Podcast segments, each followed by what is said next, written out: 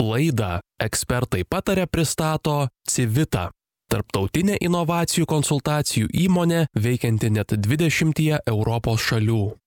Sveiki, mėly žinių radio klausytojai, Lina Luneskienė prie mikrofono. Ir šiandien mes kalbėsime apie investicinės galimybės Lietuvos verslams, viešojo sektoriaus įmonėms ir kitiems suinteresuotams asmenims.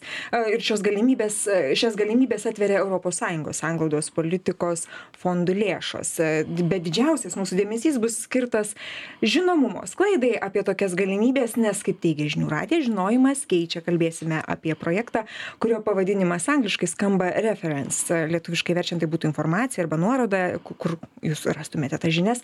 Ir išsiaiškinsime, kodėl jis svarbus įmonėms, kurios nori žinoti apie minėtas finansinės galimybės ir jomis pasinaudoti. Malonu pristatyti laidos pašnekoves. Šiandien studijoje vieši Civitos atstovės Auksė Statauskenė, projektų vadovė ir mokslinių tyrimų ir plėtros projektų koordinatorė ir Justina Ivanova, projektų vadovė, dirbanti su Lietuvos ir Europos inovacijų ekosistemos projektais. Justina, kaip ir susitarėme, mes pradėsime nuo jūsų. E, reference projektas, kurį jau, jau paminėjau. Kokia jo esmė ir svarba, koks yra tikslas? Trumpai supažinkim žinių radio klausytojus, kad, kad tas žinojimas keistų. Mhm, ačiū labai. Tai pagrindinis reference projekto tikslas - didinti sanglaudos politikos ir jos fondų atveriamų galimybių žinomumą ir pasiekiamumą. Kai girdime terminą sanglaudos politika, gali pasirodyti, kad tai yra kažkokie sprendimai priimami toli. Labai sudėtingai skamba. Labai sudėtingai Briuselėje, tai Briuselėje, kurie kas, mūsų kasdienybei daro mažai įtakos. Tai reference projektu būtent ir norime parodyti, kad tai ne tik liečia kiekvieną iš mūsų, tačiau ir atveria labai daug galimybių viešoms ir privačioms institucijoms mažoms vidutinėms įmonėms pasinaudoti europos skiriamu finansavimu ir savo įmonės tikslams ir platesnės visuomenės tikslams pasiekti. Ir mano kolegė auksė truputį vėliau papasakos būtent apie realius kvietimus realius kvietimus kriterijus sąlygas jo mes čia vėliau šiek tiek išsiaiškinsim bet norisi grįžt prie tos sanglaudos politikos. Na iškoduokim mes ją išlukštenkim padarykim ją supaprastinkim paprastesnę labiau suprantamą. Sanglaudos politika kas tai yra kokia yra jo jos pagrindinė žinutė? Mhm. Aš pabandysiu labai paprastai paaiškinti. Tai sąjungą sudaro daugiau negu du šimtai skirtingų regionų.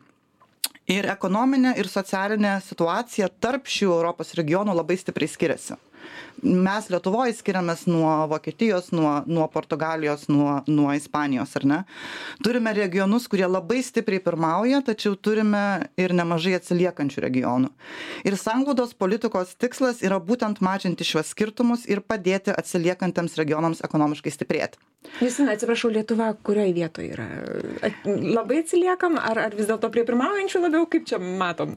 Na lietuva galima sakyti ir taip ir taip turim du du regionus. Tai mūsų sostinės regionas iš tikrųjų yra vienas iš tikrai neatsiliekančių regionų, tačiau, tačiau mūsų kitas regionas yra truputį labiau um, atsiliekantis. Ir tikriausiai čia didžiausias fokusas Lietuvoje. Taip, taip, taip, taip, tai būtent yra didžiausias fokusas. Um, ir galbūt truputį norėčiau dar papildyti, kaip būtent tas prisivyjimas vyksta visos mhm. Europos mastu. Um, tai tam yra naudojami struktūriniai ir investicijų fondai tai pavyzdžiui am europos regioninės plėtros fondas būtent investuo e, fokusuojasi į europos regionų vystymąsi sanglaudos fondas fokusuojasi į aplinkosaugą ir transportą o europos socialinis fondas investuoja į geresnes profesines ir įsidarbinimo galimybes mums visiems.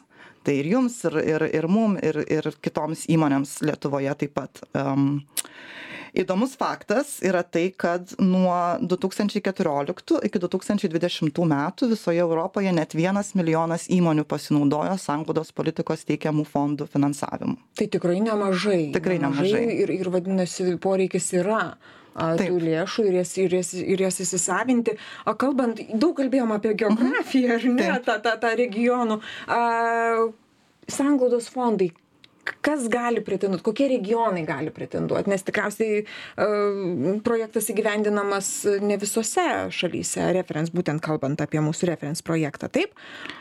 Kokios šalys apima referens projektą taip tai mūsų reference projektas kuris fokusuojasi į būtent tų galimybių viešinimą yra vykdomas keturiose šalyse lietuvoje italijoje rumunijoje bei graikijoje. O jėzau kodėl o kodėl atsiprašau kodėl būtent šios šalys mes kaip patys nesidomim mums reikia tiesiog įdėti galvą čia kodėl šitos šalys iš esmės taip iš esmės labai teisingai pasakėt. Praėjusiame periode tai yra iki dvidešimtų metų šios keturios šalys panaudojo tik apie pusę visų skirtų resursų europos sąjungos mes tokie vangūs. Taip vangūs. Iš viso iš viso sanglaudos politikai šiame šiame periode yra skiriama trys šimtai devyniasdešim du milijardai eurų tai yra trečdalis viso sąjungos biudžeto o praeitame etape pavyzdžiui italija ir graikija pasinaudojo tiktais keturiasdešim procentų e, skirtų lėšų Lietuva jam nereikia, gal pas jūs viskas labai gerai.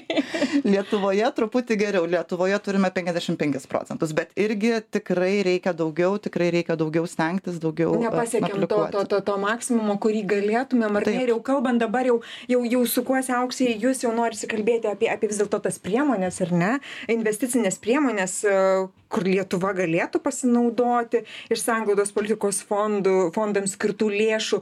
Tai kokios tos priemonės? E, ką, ką, ką mes galim pasakyti, vat, ką, ką jūs ir sakė, švieskime, suteikim tą žinojimą, tą žinomumą, kad nebūtų 50 procentų, ar ne, o būtų visi 100. Tai, tai aš patikslinant Justiną galiu pasakyti, kad vat, e, Justina kalbėjo apie regionus, tai Lietuva nuo šio pe, periodo, 21-27 metų periodo, irgi jau yra skirstoma į du regionus, tai yra sostinės regionas ir vidurio vakarų Lietuvos regionas.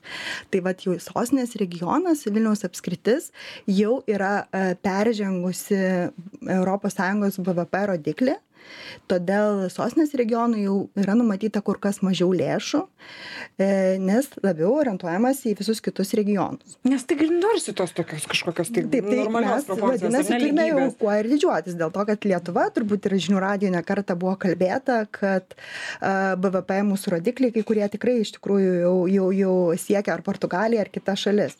Tai turime tikrai kuo didžiuotis šitoje vietoje ir kalbant apie tas galimybes. Jo jo jūs pasakėt vieną vieną svarbų momentą yra vilnius kuris jau jau tikrai gaus žymiai mažiau ir yra e, vakarų Lietuva, kuri tikrai turi plačias galimybės tas investicinės. Jo, tai Lietuvai beveik 8 milijardai yra skirti šitam būtent periodui gyvendinti, ar ne, bet aš, mano tikslas ir pagrindinė žinutė, ką šiandien norėčiau labiau verslui pritaikyti, e, papasakoti ir tiek apie reference projektą, ar ne, kurgi galima rasti, kaip surasti visus tuos dalykus, ar ne, kok, e, tegu politikai kalba apie tuos 8 milijardus, mes gal pakalbėkim labiau apie konkrečias priemonės.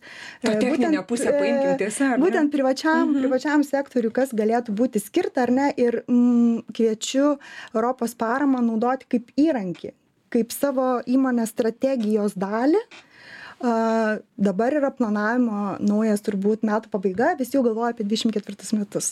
Visi planuoja didžioji pla rezultatus biudžetus ką veiksim kitais metais ar ne? Tai dėl to ir kviet kviečiam pasidomėti ir naudoti kaip papildomą įrankį e, savo įmonės rezultatam pasiekti. Ir aukse jeigu jeigu mes norim to to to labai konkretaus žemiško patai kaip pasakyt žinios tai kalbėkim apie sąlygas kalbėkime apie reikalavimus kurie yra keliami kandidatams kurie būtent nori pasinaudoti fondo lėšomis kokius kriterijus jie turi atitikti. Tai jau dabar vardinkime kad verslas žinotų kad vat galbūt iš tiesų aš esu tas kas kas savo savo strategiją taip turėtų įtraukti tas lėšas. Tai kalbant vėlgi apie privatų sektorių tai kiekviena įmonė turbūt šiais laikais turi savo buhalterį kiekviena įmonė turbūt turi savo teisininką kurie užsiiminėja savo reikalais. Ar ne jeigu mums reikia kažkokią sutartį sudaryti mes kreipiamės į teisininką buhalterija vykdo. O mes įmonės darbuotojai dažniausiai imam savo įmonės rezultatų siekimais ir turim savo įgūdžius. Tai kviečiu taip pat e, žiūrėti ir į paramą. Kviečiu į konsultantus kreiptis kurie išmano kurie dirba šitoje srityje. Jie padės suformuluoti projekto idėją papasakos apie rezultatus kokius juos jūs turėtumėt pasiekti kas yra labai svarbu taip pat aišku kaip ir kiekvienoje srityje e, su sąjungos fondais dirbant yra visokių reglamentų kuriuos reikia žinoti tai konsultantas tikrai patars paaiškins ir bus toksai vertėjas Nes pats, pati įmonė tikriausiai labai jo, daug užtruktų, kol aiškintų. Jie tegul dirba savo darbus ir siekia savo rezultatą, ar ne, o mes jau tiesiog prisidėsime prie to. Tai uh, aš kaip konsultacijų verslė dirbanti, aš uh, galvoju apie save kaip tokį vertėją, kuris įmonį gali paaiškinti apie visus reikalavimus, kaip susiplanuoti, koks yra biudžetas, kokiu rezultatu ir kada mes juos turime pasiekti. Taip pat mes esame vertėjai, kai kur aiškinam įmonėm, ką nori pasakyti kontroliuojanti agentūra E, kuriai tu teiki projektą. E, jie užduoda klausimus, mes tiesiog raminam kartais savo klientus ir sakom, kad nieko baisaus, čia yra normalūs klausimai, jie visą laiką būna ir nereikia pergyventi paraiškos rengimo metu, kad čia jau pasaulio pabaiga.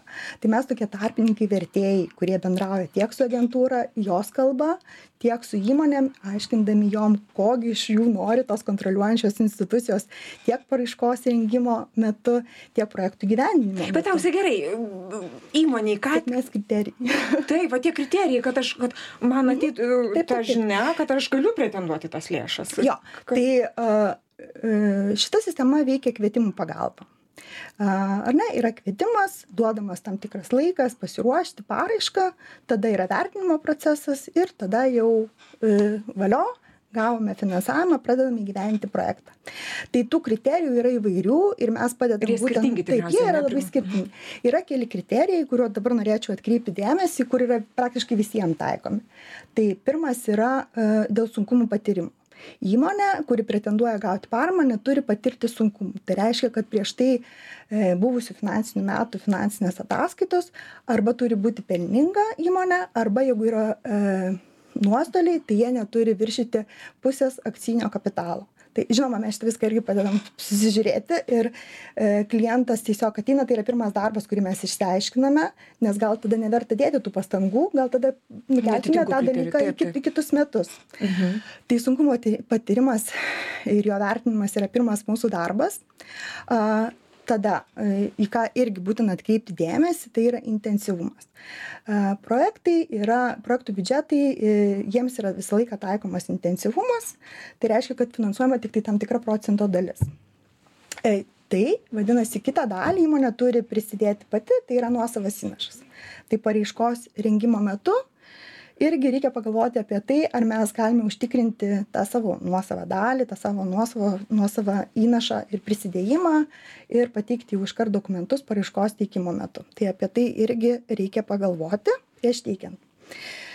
E, Na ir aišku, kaip ir visuose projektuose, čia turbūt nieko naujo, tai projektas yra biudžetas, veiklos, terminai ar ne ir rezultatai tai prieš teikiant paraišką labai svarbu pasižiūrėti tuos kriterijus ir žinoti kokias tu prisiėmi įsipareigojimus kokius tu prisiėmi tai yra kokius rezultatus tu turi pasiekti aukse žiūrėkite kokios įmonės kokio dydžio įmonės gali gali galvot apie apie tokią galimybę? Ar pavyzdžiui kaip mes ir šiek tiek užsiminėm dar prieš laidą individualią veiklą vykdantys asmenys tiesiog fiziniai asmenys viešojo sektoriaus įmonės. Kaip čia yra? Taip tai čia e, daugiausiai žinoma europos sąjunga norėtų remti jeigu kalbam apie privatų sektorių mažas ir vidutines mm. įmones tai žinoma nes didelės jau yra tačiau dabar turime žaliąjį kursą tai žaliasis kursas taip pat kaip ir moksliniai tyrimai yra apskritai dabartiniai labai stiprūs prioritetai. Todėl net ir didelės įmonės gali pretenduoti į, į kvietimus, projektus, kuriuose yra siekiami tokie tikslai kaip e, moks, mokslinių tyrimų vykdymas ir inovatyvių produktų kūrimas, arba su e, žaliąja transformacija susijusiuose projektuose gali dalyvauti ir didelės įmonės ir kaip jau čia ne kartą minėjome taip pat yra vėlgi tie du regionai tai a, sostinė jau yra pažengusi. Ir, ja, ir taip gerai. Ir, ir taip gerai. Ir, ir labiau yra orientuojamas į vidurio vakarų Lietuvos regioną.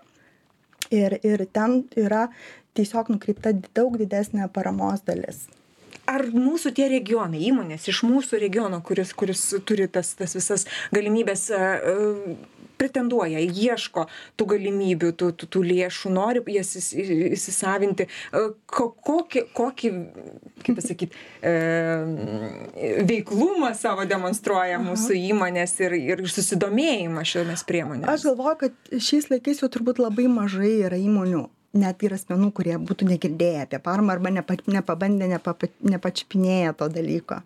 E, vienom drąsiau, kitom yra gal kukliau, ar ne? Tai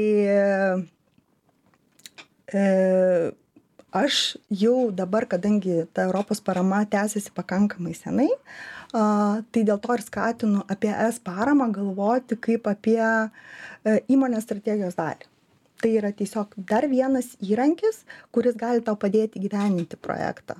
Tai yra tu turi idėją mes visą laiką savo srityje juokaujam kad e, e, tas projektas yra e, sėkmingas arba pasmerktas sėkmei kai ateina klientas kuris jau turi idėją ir jam tiesiog reikia papildomo pap akceleravimo tai idėjai įgyvendint papildomų resursų. Auksė man man norisi konkrečių sėkmės istorijų įvardinkit pavyzdžiais kad visi tai žinotų kalbant apie girdėtų. tą strategiją aš vat irgi pratęsiu ar ne tai e, kviečiu galvot ne apie pavienį ar ne kad kažkokį tai taip aš ta prasme taip irgi galima pabandyti bet a tos sėkmės istorijos jau dabar manyčiau yra a kai įmonė tarkim gavo paramą a produkto inovatyvaus produkto kūrimui tada gavo kitą paramą jo komercializavimui tada gavo sertifikavimui ir tada dar parodos kurios užtikrina eksporto galimybes tai čia jau aš jau skaitau kad yra visa pilna strategija ar ne? Kai visas ciklas yra praeinamas ir pagalbą įmonė gauna nuolatos pastoviai jinai gali planuoti jinai gali žinoti nebijoti būti drąsesniem pradėti tuos e, savo įmonės e, akceleravimą inovatyvių produktų kūrimą ar ne tai vat a, kitas pavyzdys irgi turbūt labai dažnai nus bet tikriausiai labai trumpai nes jau mūsų laikas baigėsi tai va tai labai labai trumpai koks pavyzdys ir kokia suma man labai įdomu e, Tai gal turbūt žinote, ar ne, neseniai nuskambėjo, kad į Taivanį, Taivanis investuoja į Lietuvos lazerių, lazerių ar ne? Taip, taip. Tai tiek mūsų labai mylimi klientai, jie pradėjo nuo labai labai mažų paraiškų, tada buvo didesnės paraiškos ir dabar jau Taivanis arba kiti užsienio investuotojai ateina pas juos ir sako, gal galim investuoti. Tai va tokie yra sėkmingi pavyzdžiai, kai yra strategija visa.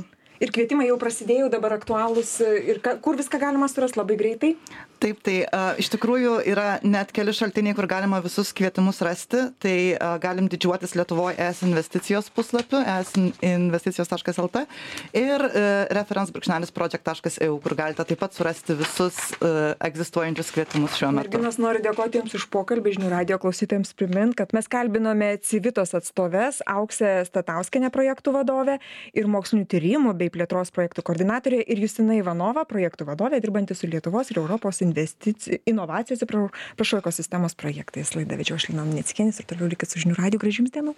Laidą ekspertai patarė pristato Civita.